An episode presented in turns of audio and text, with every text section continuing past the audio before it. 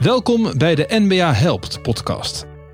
Met onder andere podcasts wil de NBA de nieuwsvoorziening tijdens de uitbraak van het coronavirus zo breed mogelijk houden. Deze podcasts zijn een aanvulling op de andere NBA-berichtgeving en voor alle leden van de NBA interessant en relevant.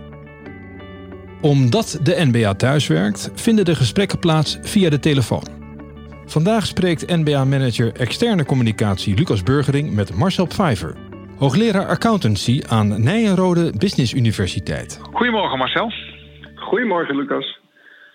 De vaste luisteraars van deze podcast weten het. De eerste vraag luidt altijd: hoe gaat het met je?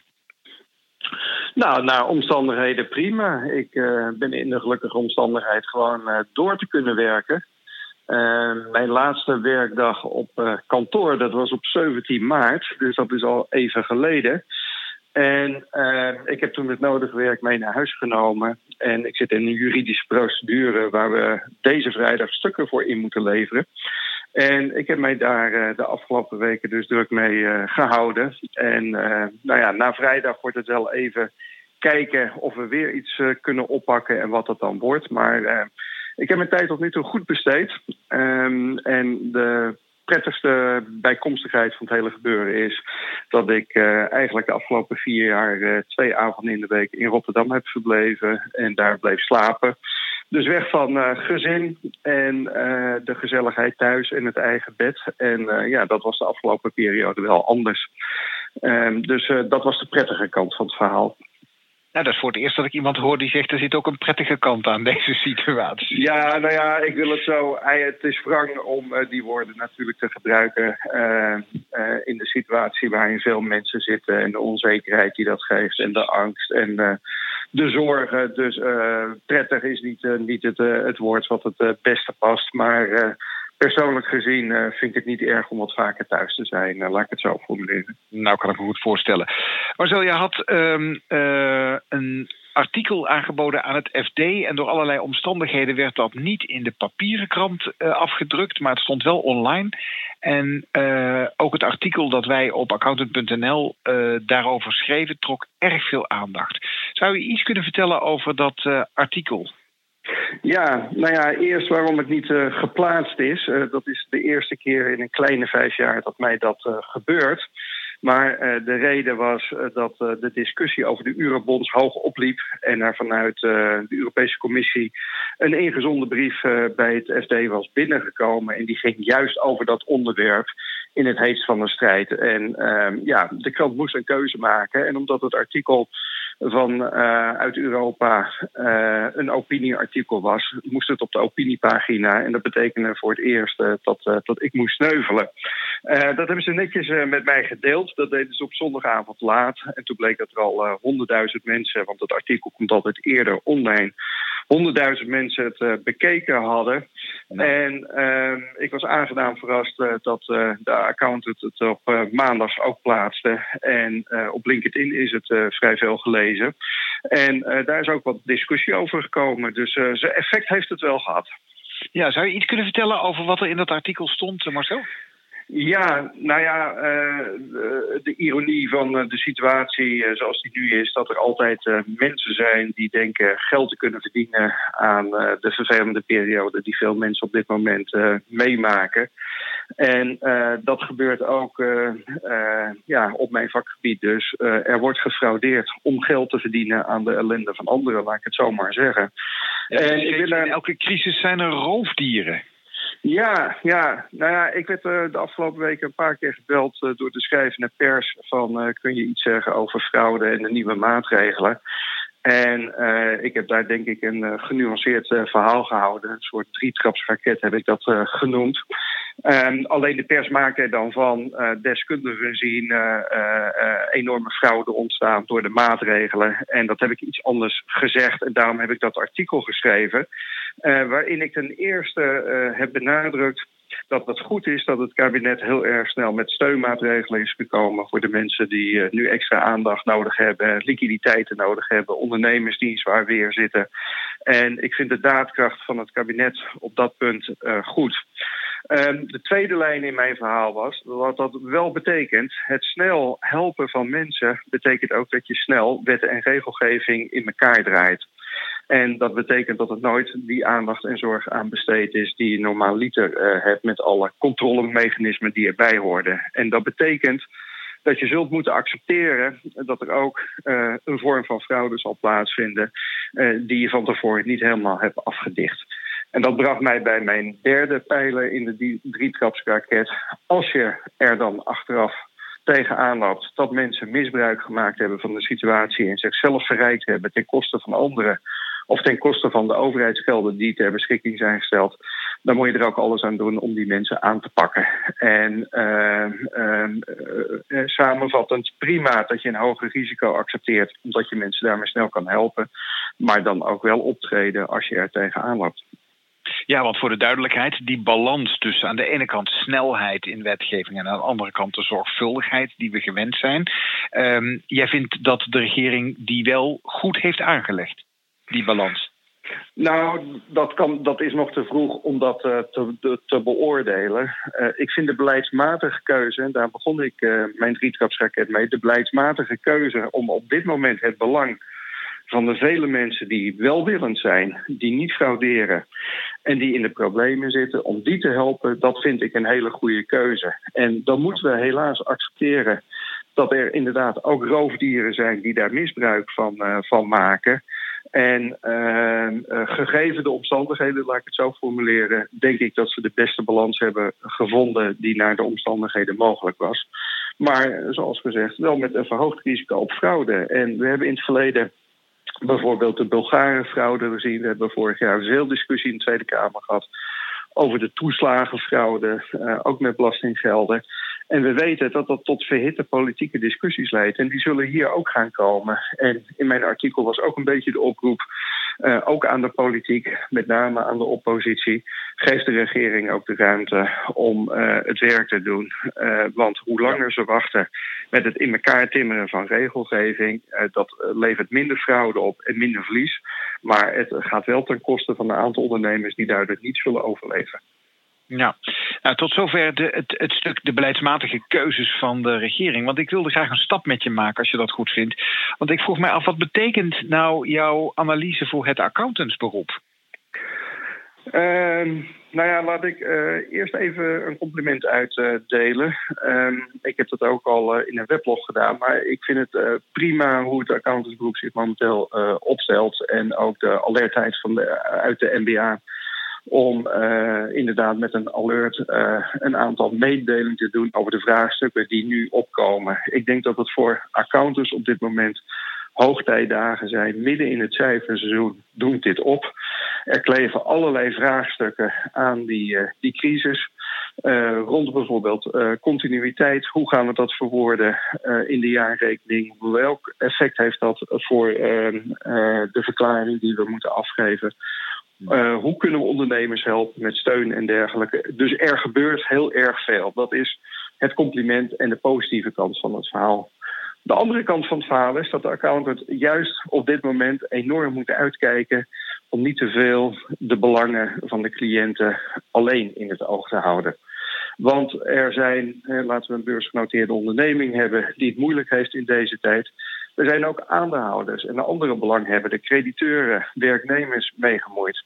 En je kunt kosten wat het kost een onderneming overeind willen houden en uh, positief rapporteren als onderneming onder toeziend oog van de accountant en goedkeurend oog van de accountant.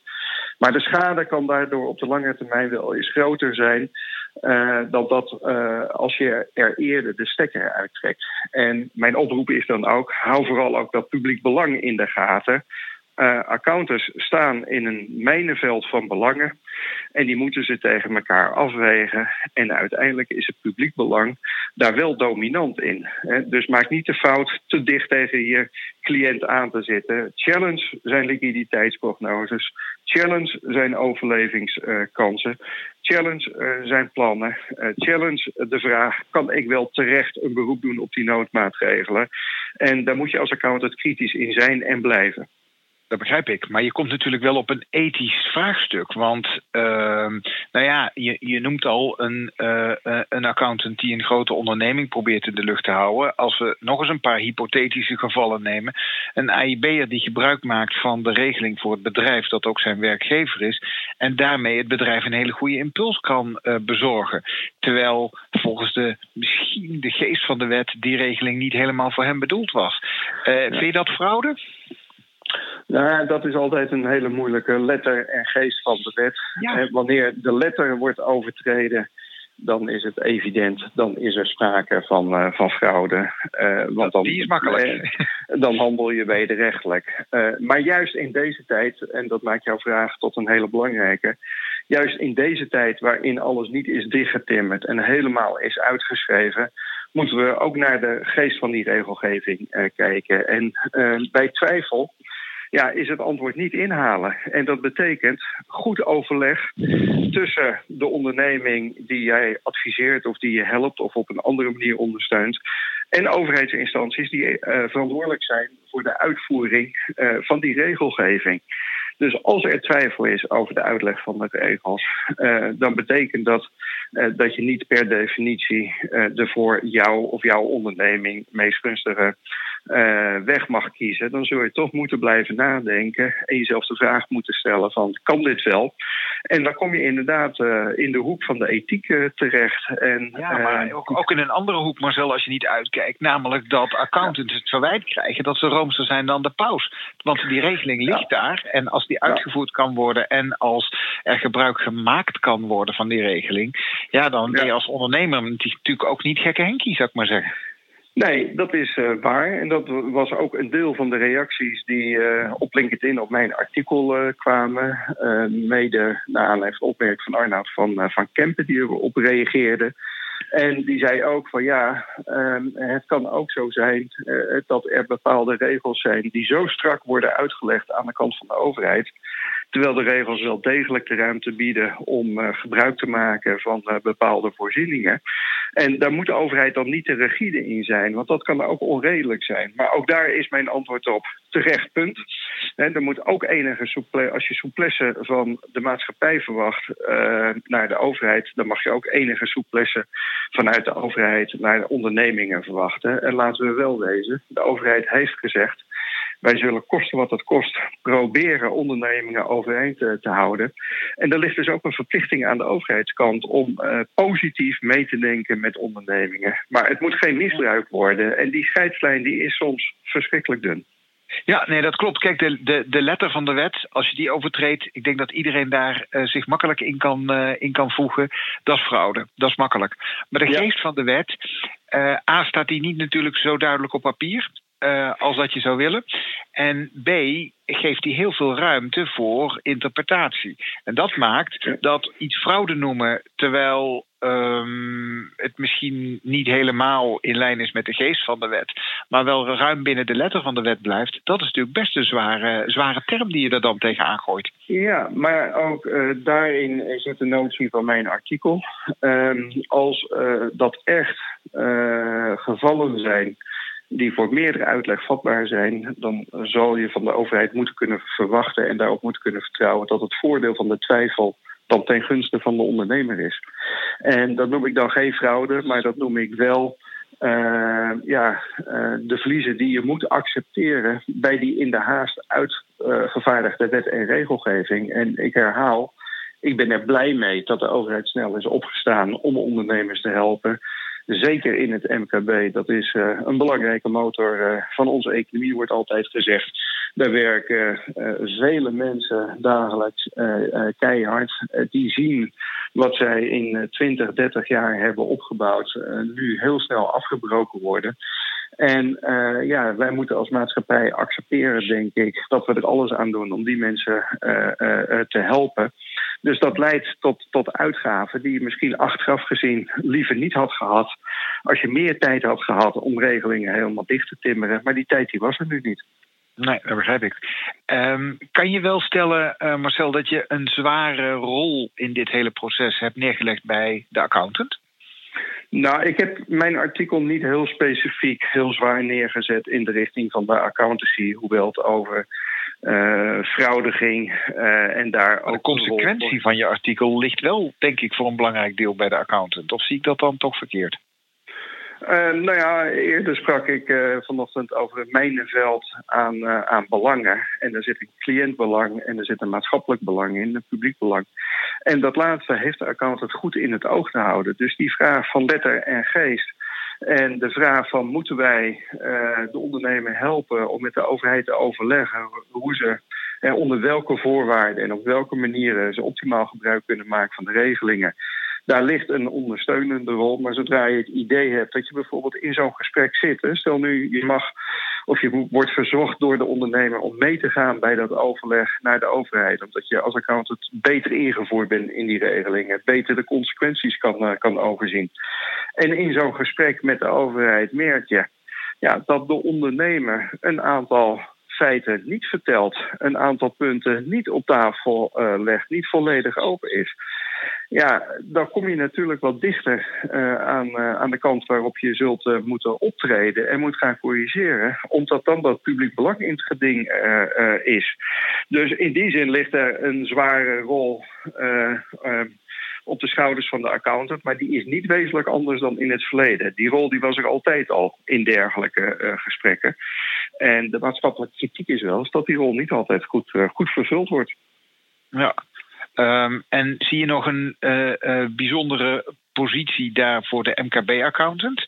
Want die helpt vooral de kleinere ondernemer. Die staat misschien wat verder af van uh, de bigger picture, zal ik maar zeggen. Ja, nou, ik noemde niet voor niks het MKB als de motor van, van de Nederlandse economie. En ik denk daarmee dat de MKB-accounts op dit moment zeer en zeer belangrijk zijn voor een groot deel van, van, van het ondernemerschap in, in Nederland. Dus ik zie daar zeker een hele grote rol weggelegd. Ik denk het uitleggen van de regelingen, uh, ook het uitleggen van de beperkingen die eraan zitten, uh, de mogelijkheden, dat dat heel belangrijk is. Um, tweede heel belangrijk punt is uh, het inzicht geven in de feitelijke financiële situatie van ondernemingen. Wat betekent alles nu eigenlijk liquiditeitstechnisch? Wat is mijn horizon? Hoe lang kunnen deze maatregelen duren? En kan ik blijven doordraaien met de steun die, ik, die ik krijg? Met welke partijen moet ik uh, afspraken gaan maken om uh, uh, mijn liquiditeit beter te kunnen beheersen op de korte termijn. Het zijn allemaal vraagstukken waarvan je van de accountant mag verwachten dat hij in staat is het juiste inzicht te geven, zowel op juridisch terrein als op bedrijfseconomisch terrein. Dus ik denk dat die MKB-accountants op dit moment zeer en zeer belangrijk zijn. Ja, Um, nou Marcel, ik wil je heel hartelijk danken voor deze toelichting, deze verheldering op je, uh, je artikel, de verdere uitwerking ook daarvan. Um, we gaan de komende periode zien hoe het gaat lopen. En um, nogmaals, ik wil je hartelijk danken uh, voor dit gesprek, voor deze medewerking aan deze podcast. En ik hoop dat je uh, in goede gezondheid de komende periode doorkomt. Dankjewel. En uh, tot slot een kleine opmerking nog van mijn kant. Mijn uh, volgende column uh, komende maandag in het FD, ervan uitgaande dat die deze keer wel geplaatst wordt, zal voortborduren op dit thema. Met een accent ook weer op de overheidskant, wat de overheid kan doen om fraude in het coronatijdperk aan te pakken. Dus even als teaser voor de krant van maandag we zien uit naar de volgende maandag. Uh, de, de, de Financieel Dagblad van volgende maandag. Dankjewel okay, Marcel. Prima, graag gedaan. Dit was de NBA Helpt podcast. Bedankt voor het luisteren. Tot de volgende keer.